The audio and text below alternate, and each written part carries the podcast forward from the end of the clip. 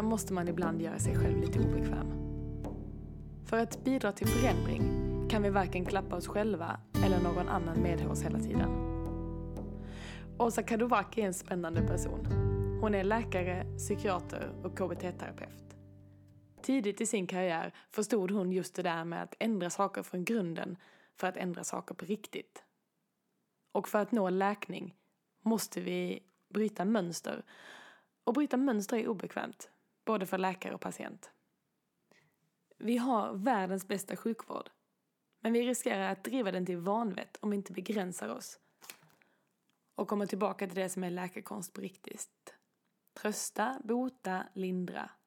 Delta, närvara, normalisera, stärka och främja hälsa.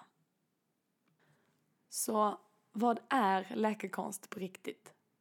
Hur kommer vi tillbaka till det som är viktigt på riktigt?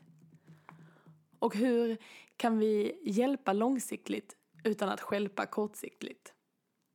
Jag är glad att jag lyckas få en timme med Åsa Kadowaki efter hennes föreläsning på ST-läkardagarna i Stockholm, som har avslutats med stående ovationer. Och nu ska jag få dela det samtalet och alla hennes klokskaper med er.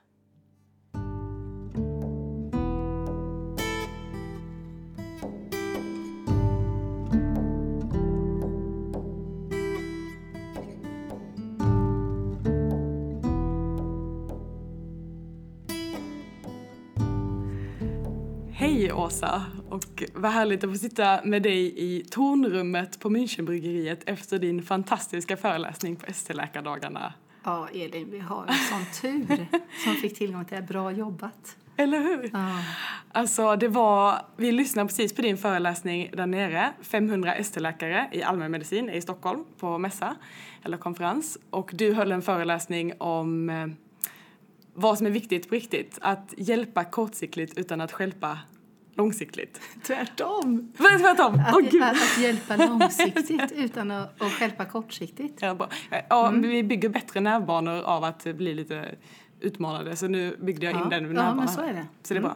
Mm, ja, men medvetenheten ökar ju då. Eller- Och vi är ju båda lite höga. Jag fick eh, ju sån kick och alla där var inspirerade. Så att, eh, eller alla vet vi inte, men eh, jag tror att både du och jag mm, ska landa. Andas och landa Ja. lite. För det var, ja precis, men jag vill också fånga det moment för att det var ja, verkligen stående ovationer eh, efter din föreläsning. Mm, det, det var tårögt ja. För mig. Ja. Men du har varit med i ett par poddar innan och du har också van vid att föreläsa om detta här ämnet och brinner mycket för detta. ja, verkligen. Du är läkare och psykiater, KBT-terapeut Ja. och eh, en fantastiskt inspirerande människa som driver, eller, eh, brinner mycket för det här med sjukskrivning. Framför allt, men också läkekonst. Mm, och nu, nu märkte ju du att det eh, vred sig i mig när du sa att jag brinner för sjukskrivning. Men det, det som är problemet är ju att jag förknippas mycket med sjukskrivning och sjukskrivningar för att eh, människor stannar sällan upp och, och hör vad jag egentligen säger. Och det jag säger är att vi har felanvänt sjukskrivning. Alltså, vår socialförsäkring är ju en fantastisk försäkring och som vi har samlat till gemensamt via våra skattemedel och som har lång historia utifrån att vi ville hjälpa varandra att slippa gå från hus och hem när vi blev sjuka och skadade och så i våra arbeten. Eh, Men sen när det har vuxit sig så här stort och det förvaltas via Försäkringskassan och eh, den individuella läkaren intygar sjukdom hos patienten istället för att det är arbetsledaren som initialt var den som kollade om, om arbetstagaren inte var, hade möjlighet att jobba, den som hade hand om sjukkassan i arbetslaget. Det kanske inte var arbetsgivaren utan det var arbetslagsledaren. Men det var i alla fall en intern kontroll på väldigt liten grupp. Och nu så är det ju en nationell kontroll och sen via en individuell bedömning hos läkare. Och det som har varit problemet för mig det är ju att plocka bort någon från arbete är ju inte gynnsamt om det inte finns en sjukdom som behöver läka genom avlastning från arbete. Och det är väldigt få av den tillstånd idag som vi sjukskriver för som ska behandlas på det sättet. Så att det jag brinner för är egentligen psykisk hälsa och salutogenes och att man kan inte bli mer hållbar genom att undvika belastning utan man måste träna på att klara belastning. Och du hade så många bra eh, citat från den här föreläsningen. Jag har skrivit ner ett par av dem och jag hoppas att vi kommer in på mm. lite samma spår. För det var mycket matnyttigt som vi fick reda på. Och det är mycket matnyttigt som du säger. Mm. Eh, och jag älskar detta. Ja, härligt. Ja. ja. men jag tror vi delar mm. den här nyfikenheten och glädjen inför att kunna mm. göra saker och påverka och, mm. och att vara kreativa och att vilja rikta energin till något som är hjälpsamt istället för att binda energin i det som är inte hjälpsamt. Mm. Varför tror du att vi har så lätt för att undvika då? Alltså, dels är ju hjärnan uppbyggd så att den ska undvika hot. Så att eh, det är ju en jättestark nedärvd impuls, det här med fight-flight. Men bekymret är ju att i vårt samhälle idag så finns det väldigt få yttre hot och då hjärnan fortsätter ju att leta hot men idag är det känslor och tankar och, och själva reaktionen på energiaktivering, det här som vi kallar stresssymptom. Det är ju egentligen kroppens energiaktiveringssystem. Hjärtklappning, ont i ja, magen. Och, och tryck i bröstet och trångt mm. i halsen och svårt att svälja och koncentrationssvårigheter och svettningar och domningar och pirrningar och dålig mage och ja, men rubbet. Mm. Och eh, det är därför den här hemsidan finns Viktigt på riktigt mm. med olika arbetsblad och bland annat den här med det osympatiska sympatikosystemet så att man ska mm får lära sig att de här inre reaktionerna de är inte farliga utan mm. kroppen vill hjälpa oss att aktivera energi. Men problemet är att i och med att vi inte har så mycket yttre hot idag så, mm. så triggas det här hotsystemet av, av inre hot eller som mm. våra unga generationer att man jämför sig med andra på nätet till mm. exempel.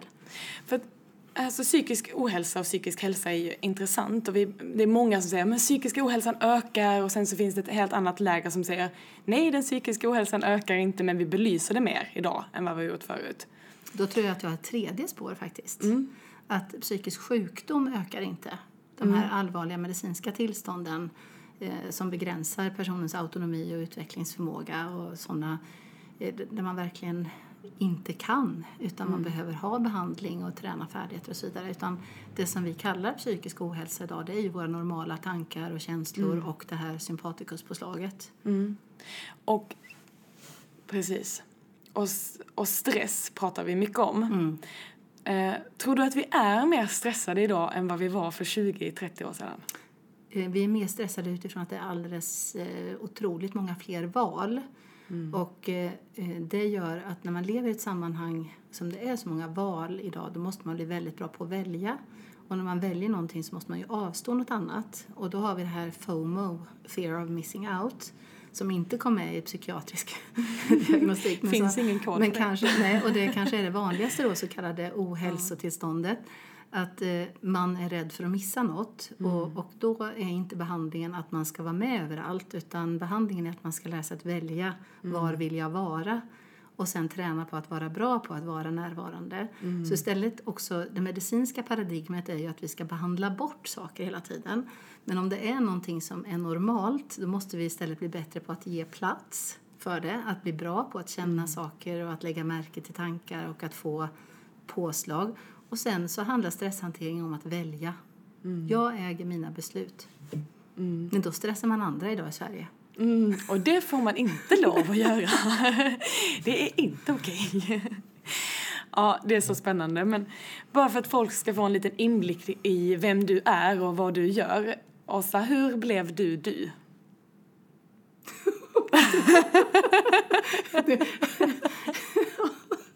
Du får två ja, minuter ja, på dig att svara på detta. Men, men då tänker jag att du frågar mig min professionella gärning. Eh, eh hur jag har hamnat där jag hamnat. Och, och då tror jag att eh, dels har jag alltid varit väldigt intresserad av människor. Jag har läst mycket, jag har tyckt om skönlitteratur, jag skrev poesi och dagbok och jag har alltid varit jättenyfiken mm. på andra människor. Och, och sen så har jag tyckt om att laga saker, mm. tyckt om att göra fint, mm. tyckt om ordning. Eh, och sen så eh, ja, det utmynnade i läkarutbildningen och redan där, jag började på Hälsouniversitetet 1987 i Linköping, det var andra års, eller andra terminskullen på Hälsouniversitetet som var inspirerat från McMaster i Kanada med det här med PBL, problembaserat lärande. Jag har också varit väldigt intresserad av pedagogik tidigt. Mm. Så att jag drogs till eh, Linköping av, av den anledningen. Och då pratar man ju om salutogenes redan första terminen. Så att eh, jag kanske var den enda kurskamraten som kom ihåg det där. För det är många studenter idag, det är likadant nu, att man börjar mm. tidigt med att lägga in salutogenes, det som ger hälsa. Eh, så att jag har haft de här parallella spåren med patologi, att bli Mm. duktig på diagnostik och kunna den biten. Och nu när jag sa duktig på diagnostik, nu har jag inte jobbat medicinskt. Jag slängde de där två pärmarna bra att ha i primärvården ifall jag skulle sadla om till distriktsläkare för något år sedan. Eh, men eh, jag jobbar ju med psykiatrisk diagnostik Mm. och hjälper distriktsläkare och sen eh, så att den biten är jag ju mer kunnig inom psykiatrisk statustagning. Eh, Men jag har, sen har jag krisat många gånger eh, under resans gång och tänkt att jag passar inte eller eh, det, det, det jag ser mina kollegor göra, det kan jag inte göra. Jag kan inte eh, skriva de här remisserna för att minska oro hos patienten för de kommer fortfarande ha kvar sin oro. Jag, har, jag tror jag har haft lätt för att se långsiktiga konsekvenser av beteenden i nuet och det har hjälpt mig att göra mina egna val.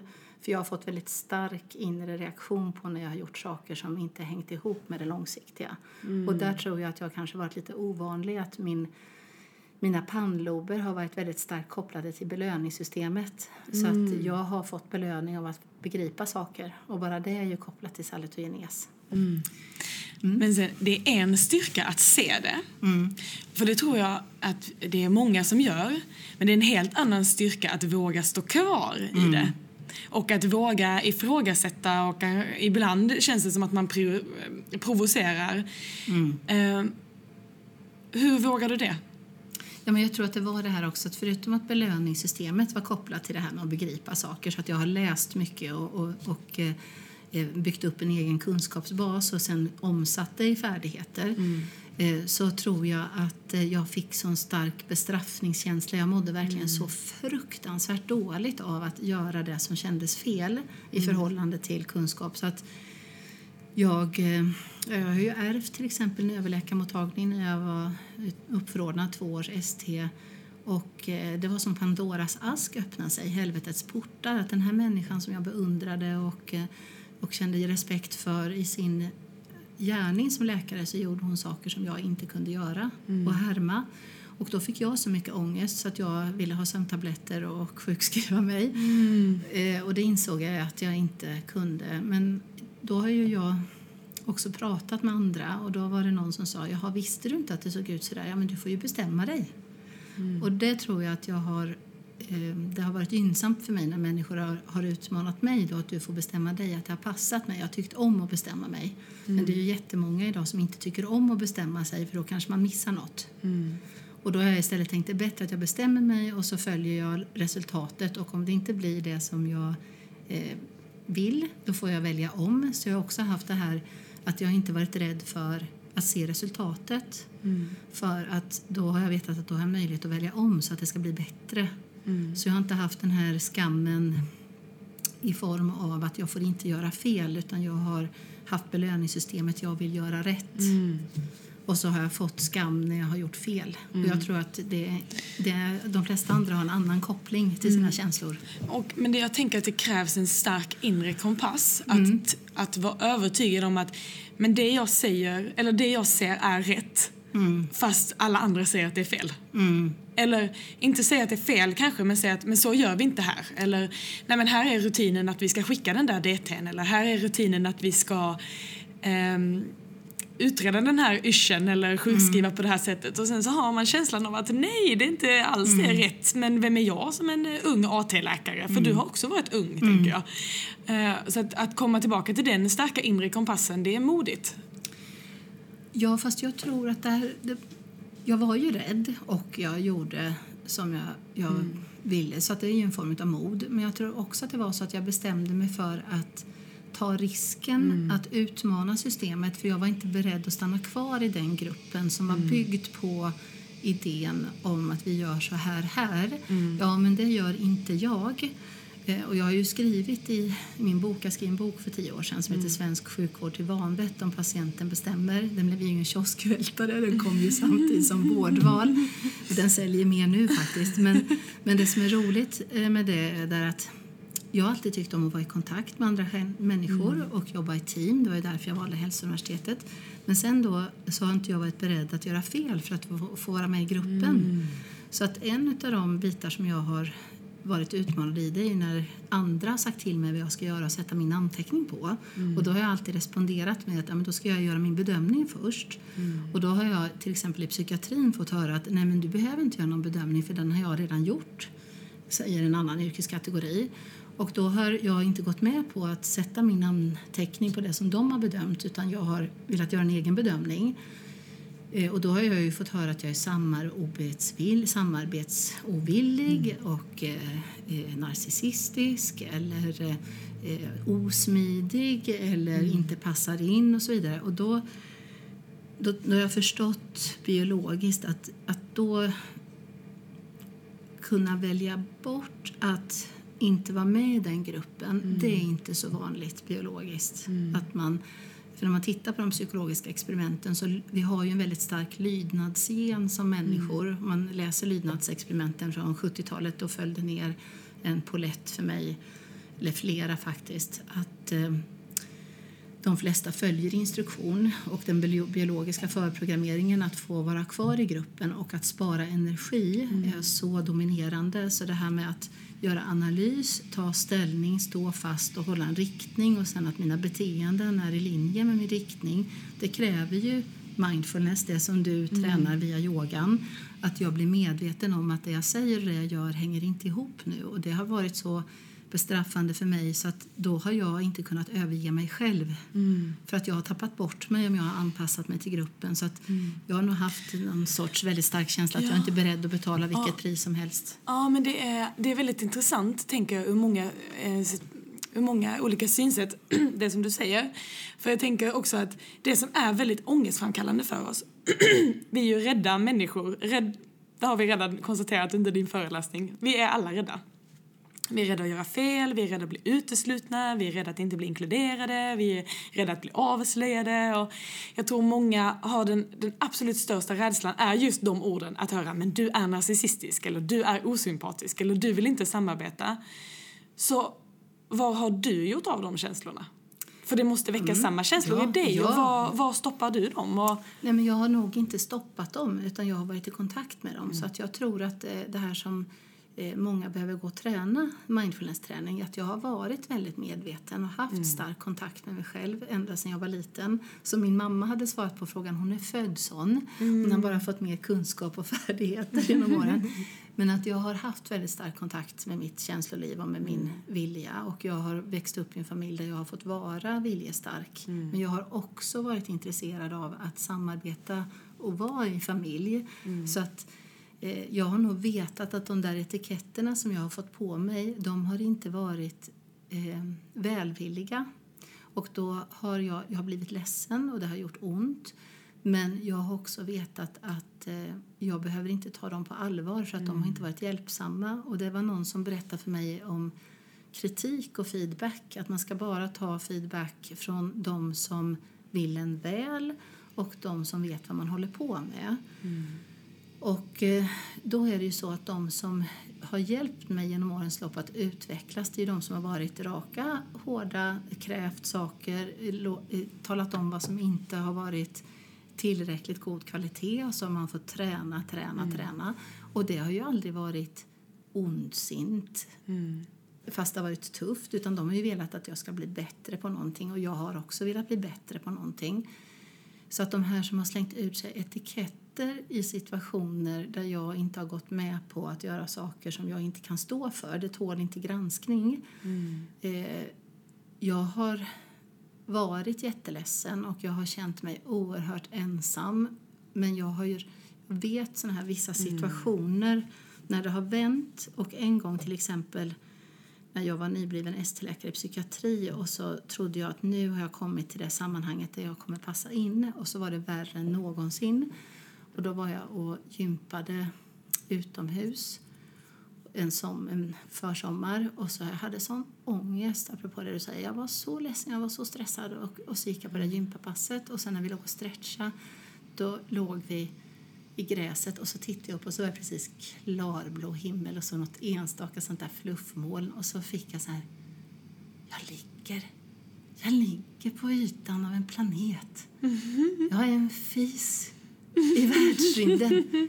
allting hänger inte på mig. Mm. Och det spelar roll vad jag gör. Men jag fick någon sån momentan lättnadskänsla av att det hänger inte mm. på mig och jag får ta mig på sånt allvar så att det spelar roll vad jag gör. Mm. Så att jag tror att, att jag i den där mindfulness-gåvan har kunnat stanna upp, som du sa förut, precis det som man tränar när man tränar yoga. Att man mm. stannar upp. Och där har jag haft mycket lättare att stanna upp mentalt än vad jag har gjort fysiskt. Jag har mm. gillat snabba sporter, lagsporter. Jag har inte varit bra på uthållighetssporter. Eh, ensamhetssporter, löpning, simning, liksom, eh, ta i och bli riktigt dyngtrött i kroppen. Det har jag varit jättedålig på. Liten så här Mumin-mamma, soffpotatis. eh, fast jag tyckte om att bära saker, jag tyckte om att gå, jag tyckte om att vara mm. i min kropp. Men, men eh, jag tror att eh, det har varit väldigt hjälpsamt att vara bra på psykologisk kontakt och nu med mm. stigande ålder så har jag fått börja träna de här uthållighetsgrejerna fysiskt. Så jag har ju fått börja med yoga när min kropp har börjat signalera att, att den inte går med på hur jag använder mig själv längre psykiskt. Mm. Utan jag eh, har alltid tyckt om Friskis och Svettis och gympa och röra mig till musik. Men det har inte räckt. Utan jag har behövt träna fysisk mm. uthållighet och då har yogan hjälpt mig till exempel apropå det som sammanför dig och mig mm. Eh, i det här att jag har haft lätt för att stanna upp mentalt och ge plats för psykiska känslor. Och där tror jag att mitt intresse för litteratur och, och tidigt mm. Eh, läste som liten mycket om känslor och så. Men att eh, det, man måste ha både och. Mm. Och är man i kontakt med sig själv då kommer man få svar från sig själv vad man behöver göra. Ja, det tror jag också. Eller det, jag, det är jag helt övertygad om. Mm. Punkt. Ja, ja men det, det, vet vi från all vishet och så. Eh, men det är återigen det här, var är evidensen, var är evidensen? Mm. Ja, learning by experience. Ja, och skilja på det där med, de borrar lite här bak. Det var det enda negativa med tornrummet, men vi får stå ut med det. Ja. um, det är livet. Det är livet. Det är inte perfekt.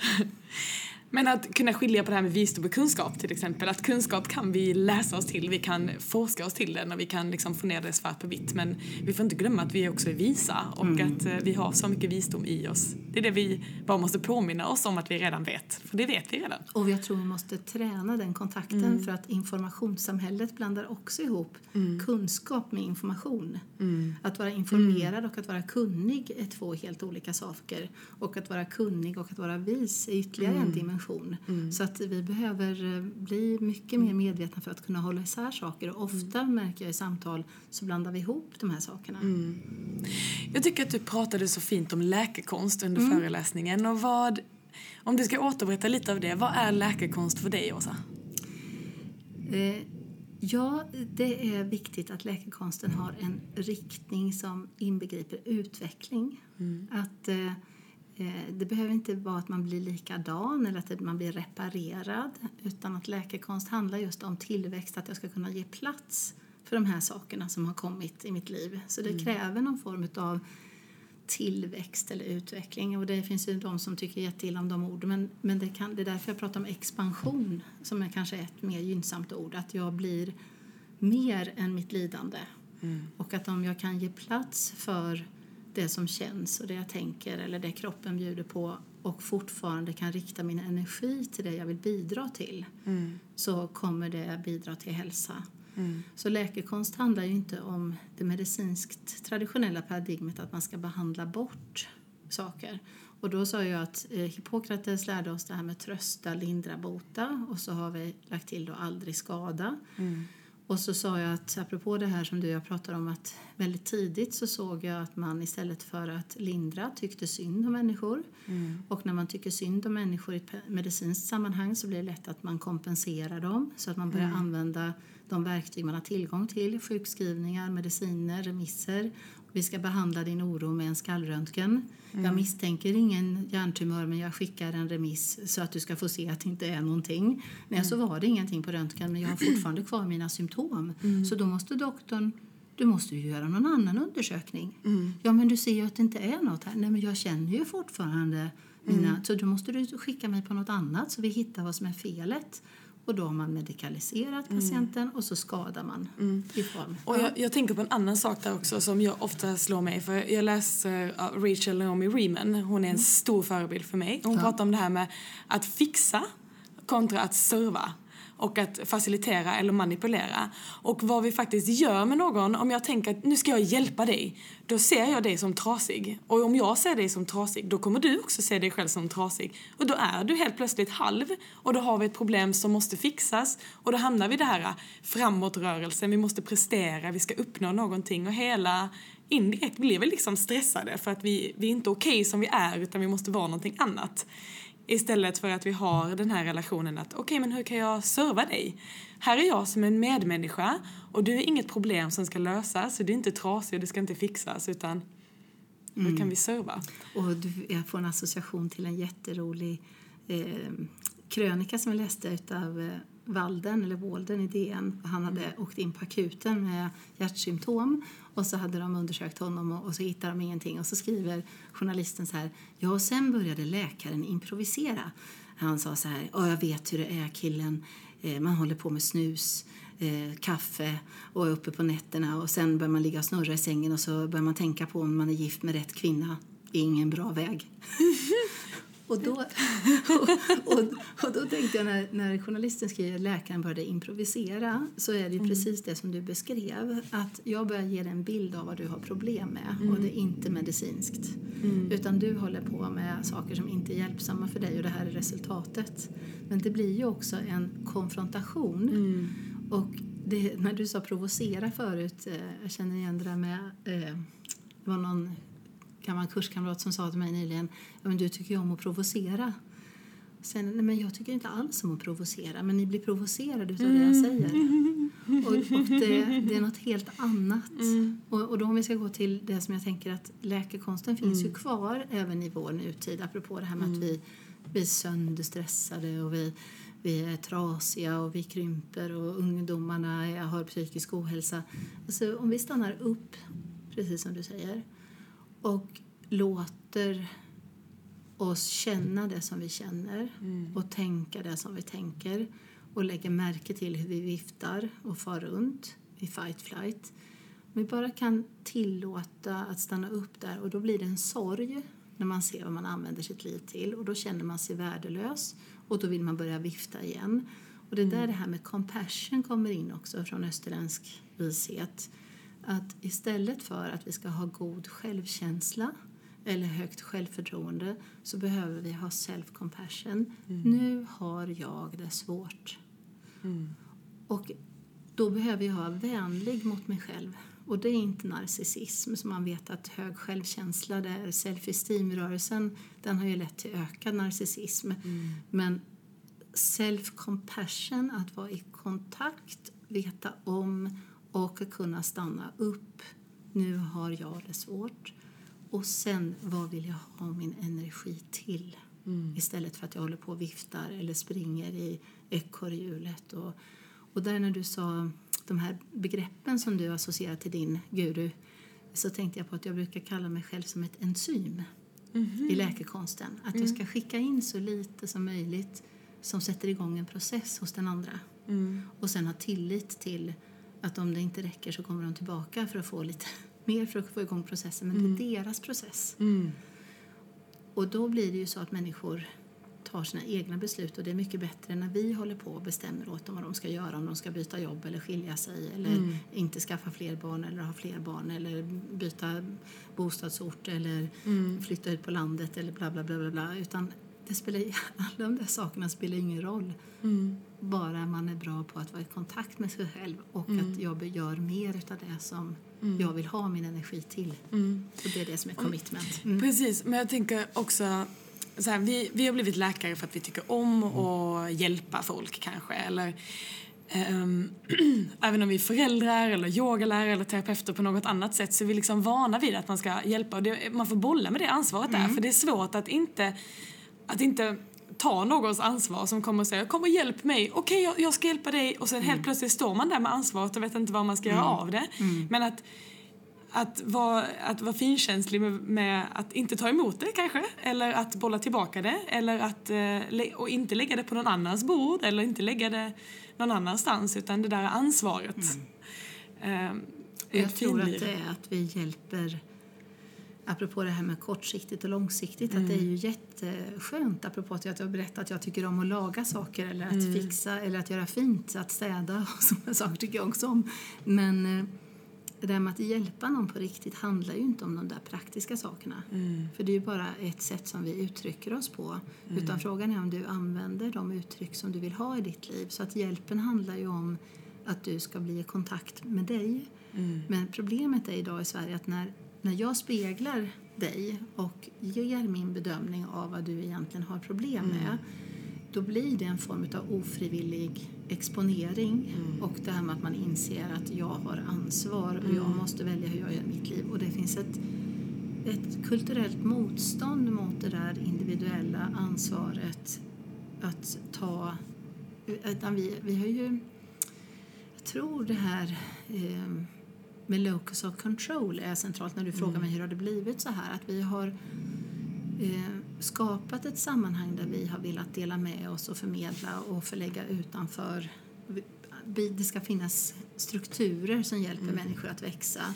Allmän skola, skollunch, eh, fördelning av lön, boenden, tillgång till olika saker, eh, infrastruktur och så vidare. Och det är mm. jättemånga, jätte, jättebra politisk fördelning utav Eh, tillgångarna och resurserna. Men sen är problemet då när vi lever i ett så bra sammanhang som det har blivit utav mm. det och vi plötsligt har blivit rädda för tankar och känslor mm. och, sympatikuspåslag så stagnerar vi. Mm. Så att vi har inte, tar inte ansvar för vår personliga utveckling. Då. Nu har vi ju jobbat med samhällsutveckling mm. men vi har parallellt inte jobbat med den individuella utvecklingen. Mm. Och individualism So Me är mm. inte det som du och jag pratar om när vi pratar mindfulness och kontakt och expansion mm. och att ta beslut om vad jag vill använda min energi till och vad jag riktar den till. Utan mm. individualism handlar ju om girighet och konsumtion och hjulen ska snurra snabbare och man mm. tror att livspusslet är ett visst antal bitar som går att lägga perfekt och så perfektionismen och ytan medan livet är något helt annat. Mm. Och att vara människa. Och att vara människa. Mm. Men när vi pratade om, eller när du pratade om läkning på föreläsning mm. så hade du de här, du hade eh, mm. Hippokrates i mitten och så har vi det här med medikalisering mm. och sen så hade du en grön, en grön. Jag hade sida. en grön ja. sida och på den gröna sidan så stod det just som i, i det här med att trösta, då är det ju att delta. Mm. Att hjälpa någon som har det svårt, det handlar ju om att jag ska kunna vara nära dig mm. och lyssna på dig och ha kontakt med dig. Men problemet är då att om jag har empati och eh, inlevelseförmåga och compassion så kommer jag känna saker. Och jag måste erkänna att de saker som människor har berättat för mig genom åren det är många saker jag önskar att jag inte visste om vad mm. människor gör mot varandra. Så att om jag ska vara nära och delta då behöver jag ha koll på mitt nervsystem. För jag blir stressad, apropå stress. Och när jag blir stressad, får påslag, sympatikuspåslag, då vill jag göra någonting och då vill jag hjälpa mm. dig. Mm. Och det är där skillnaden mellan medikalisering och att normalisera och avdramatisera är. Så hjälpen mm. när någon har det svårt, det är att kunna säga att det här är en frisk reaktion. Det här är inte psykisk ohälsa. Det vore sjukt om du inte kände de här mm. sakerna nu. Exakt. Normalisera, mm. avdramatisera. Hur skulle du inte kunna vara ledsen när den här pojkvännen gjorde slut? Mm. Det är inget konstigt att du känner dig ful och äcklig och värdelös. Han har ju lämnat dig. Då känns mm. det så här. Mm. Och, och men det ju, finns ju en industri som tjänar på att vi tror att vi kan reparera det där. Bara jag har rätt kläder eller har tillräckligt snygg yta eller rätt smycken eller bor på rätt ställe eller kör rätt bil eller umgås med rätt människor. Så det är ju precis det där att kunna delta och normalisera och dramatisera mm. som vi har tappat bort. Mm. Och det handlar inte om barnpsykiatri apropå dagens DN om att det är långa köer till BUP och regeringen har tillfört medel och bla bla bla. Nej men det hjälper inte, det är inte barnpsykiatri. Det är livet och att föräldrar inte kan eh, hantera sina barn och att nätet finns tillgängligt. Jag ska inte säga att föräldrar inte kan hantera sina barn. Vi kan inte hantera vårt sammanhang med alla mm. de här valen idag och att begränsa. Mm. Mm. För vi är rädda om vi begränsar användandet, då missar vi något. Mm. Och så vill vi inte bli etiketterade som hårda och kalla och stränga och mm. att vi begränsar våra barn. Mm. Och, och, där är det svårt. När jag har varit mamma då har ju ett av mina barn sagt till mig av och till Mamma, allting blir mycket värre först när man pratar med dig. Mm. och det är ju det där med men det är inte delta, normalisera, avdramatisera. Mm. Det här med att bota då, det är ju empowerment. Mm. Att det är skillnad om du är sjuk och det finns en medicinsk behandling mot det. Då kan vi höja din funktion i förhållande mm. till sjukdom. Men det salutogenetiska, salutogenesen, har ingenting med sjukvårdskonsumtion att göra. Och det är där det mm. politiska flaggskeppet har vält helt att man tror att tillgänglighet till sjukvård är det som ska bota befolkningen istället för att det dränerar hela systemet och håller på att skälpa hela mm. Utan vi måste jobba mycket, mycket mer med att särskilja det mm. patologiska från det salutogenetiska och om vi ska bli bra på att bidra till människors personliga utveckling, ja då får mm. vi diskutera om vi ska ha andlighetsrådgivare eller vishetsläranden eller poesilektioner eller vad det nu är, men vi kan inte fixa det med sjukvård. Mm. Eller digitalisering, mm. e-hälsa. Mm. Nej. ja, och då, så att de här tre. Delta, mm. vara i kontakt, normalisera, avdramatisera, empower, bidra till ökad autonomi som mm. leder till salutogenes. Mm. Begripa, hantera, meningsfullhet. Heja mm. Antonovsky. Mm. Ja, eller hur? Och det finns ju så mycket vi kan göra. Ja. Och om vi riktar energin åt rätt håll. Liksom. Men det är lätt, vi, och vi pratade om det precis innan vi satte på micken också, att oh, man har det här drivet i sig. Jag vill förändra detta här och det är så lätt. Och jag hör mig själv gång på gång på gång så hamnar jag i det här, och det borde vara så, eller varför gör vi inte så? De är så dåliga som gör så, eller det här är fel. Och så hör man sig själv säga det. Men då, det är bara att inpränta det här negativa mm. beteendet mer och mer mm. och mer. Mm. Och det krävs högre grad av mindfulness mm. att fånga upp sig själv där. Ja, och att faktiskt eh, rikta den energin åt någonting som mm. är bättre. Mm. Liksom. Och sen tror jag där har vi ett jättesvårt politiskt läge nu som politikerna har börjat eh, lägga sig i och klubba igenom vad vi ska använda medlen till medicinskt mm. trots att de är okunniga inom sjukvård eh, och vi är legitimerad personal. Så nu till exempel så eh, vill man ha, lägga resurser på hälsosamtal för 40, 50 och 60-åringar mm. Eh, i vissa områden. Och, eh,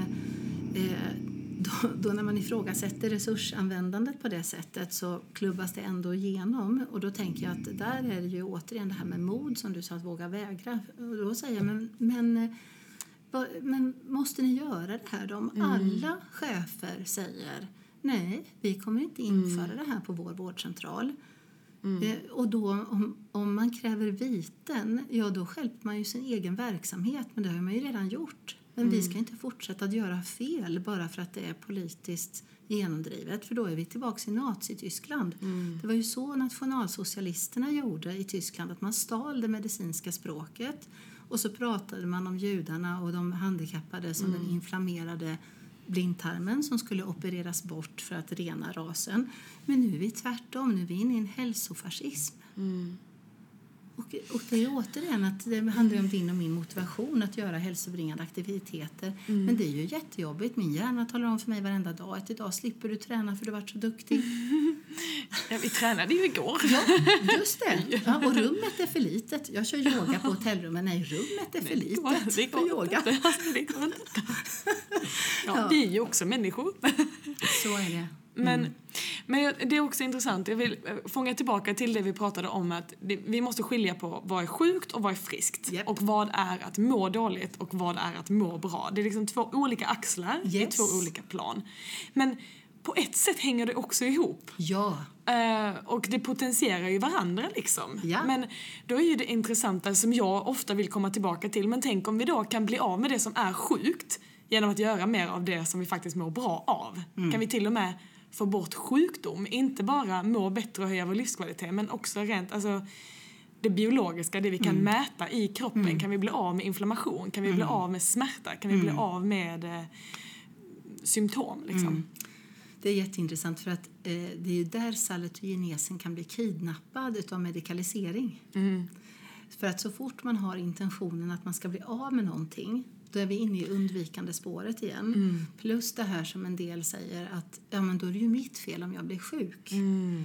Eh, och det är därför jag trycker så mycket på att döden inte är ett medicinskt underbehandlat tillstånd utan döden är ett normalt slut på livet. Mm. Och hur det kommer se ut och vägen dit och vilka sjukdomar som kommer eh, ta mig till slutpositionen, det vet inte jag. Eller om, men det är ju givetvis så det här med hälsa att alla blir ju inte sjuka utan dör utav ren mm. färdiganvändning. Mm. Eller vad man ska säga. Att eh, mm, nu stängde systemet ner så. Men jag tror att det viktigaste är att eh, intentionen inte är att behandla bort utan ha fokus på att eh, använda hjälpsamma beteenden och kunna ge plats för det som kommer. Mm. För både du och jag tränar mycket och vi kan inte bestämma att vi inte ska bli sjuka och att vi inte förtjänar att bli sjuka för att vi har tränat mycket. Mm. Eller eh, vad det gäller ätande, eh, ja men jag äter alla näringsämnen eh, och jag kan ändå inte bestämma hur det ska bli i min kropp och jag har inte ens koll på eh, hur min kropp reagerar på vissa saker. Men frågan är hur mycket koncentration jag ska lägga på att kontrollera det eller om det kan räcka med att eh, jag får i mig alla näringsämnen och sen tyvärr lite för mycket då i och med att vi lever i ett land av överflöd. Eh, men, men där är det också den här nåden med att hjärnan inte är van vid överflöd så det är väldigt svårt mm. att avstå mm. när det finns mycket kalorier. Då måste man träna jättemycket på compassion mm. och medvetenhet och, för att stoppa i sig mindre. Mm. Och särskilt om man har, är trött eller har stresspåslag eller så, då vill ju mm. kroppen hjälpa en snabbt och då är att stoppa något i munnen en av de snabbaste vägarna. Ja. Så att, eh, jag tror absolut att, att det spelar roll och det är viktigt att vi inte har det som riktning att folk inte ska bli sjuka. För att eh, då kanske vi sätter, eller då sätter vi upp mål som vi inte har kontroll över. Mm. Men du sa det fint på eh, föreläsningen också att det är synd att, att de, de aktiviteterna som egentligen ska vara återhämtning och parasympaticus att de har blivit ofta laddade med någon form av prestation också. Mm. Att det är inte bara återhämtande att träna eller att äta och sova och umgås liksom, utan vi ska umgås i specifika mönster rätt på rätt sätt liksom, eller vi ska äta rätt sätt och då blir det prestation och då blir det ännu mer stress liksom. Och det är där vi har de här ortorexi, renlevnadsmanin. Ja. Och det var därför jag fångade upp det här när du sa att vi kanske kan bli av med sjukdom. Mm. Att då är man inne i kontrolltemat mm. igen och det är ju kontroll som är problemet. Ja, fixa, fixa, fixa, mm. fixa. Mm. Ja. Wow. Ja. Tiden springer och jag ska runda av, eller vi ska runda av. Men du nämnde den här sidan viktigt på riktigt.se. Den har jag använt. Punkt nu. Mm. Jag har använt den ofta, jag har skrivit ut det många gånger till mina patienter och jag tycker att det är briljant. Eh, och, eh, så tips till alla som lyssnar, in och kolla viktigt på riktigt.nu. Där finns mycket bra grejer. Men, och, det, och säg då också att den är icke reklamfinansierad. Ja. Eh, så att det är ingen som tjänar pengar på det. Mm. Det, det, är eh, en allmänmedicinsk kollega som har hjälpt mig att bygga upp den. Mm. Det är jag som har eh, granskat allt material. Mm. All litteratur, alla appar, alla länkar som finns där är kopplad till kunskap som mm. går att granska och tål, tål medicinsk granskning. Det mesta är kopplat till inlärningspsykologi, KBT och ACT, den mm. psykoterapiformen som jag jobbar med, Acceptance and Commitment mm. Therapy. Och det är information både för läkare mm. och för eh, patienter. patienter. Vem som helst kan gå in och titta. Och lära sig hur kroppen funkar. Ja. Men Åsa, vad är viktigt på riktigt för dig? Det är nog det här med att vara i kontakt och att delta i stunden och att fylla den med mest med relationer faktiskt är det viktigaste. Mm. Och snart ska jag hem till min familj. Mm, mm de små japanerna. Ja. Och jag ska avsluta med ditt eget citat eh, som du sa. Skicka med som en blinkare och en, eh, en medvetenhetsträning så. Så vad är det du gör när du gör det du gör? Frågetecken. Tack så jättemycket Åsa. Tack Elin.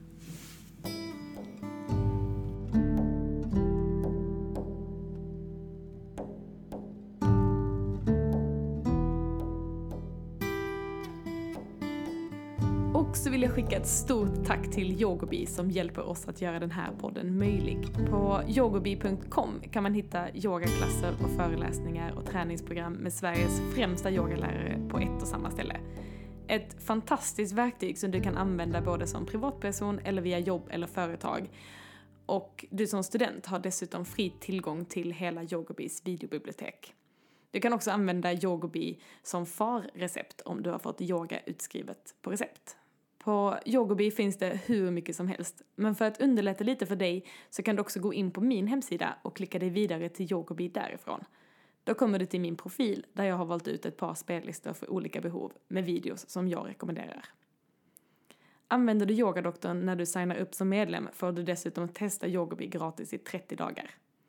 Tack Yogobi! Och missa inte att testa det om du vill yoga hemma på egen hand.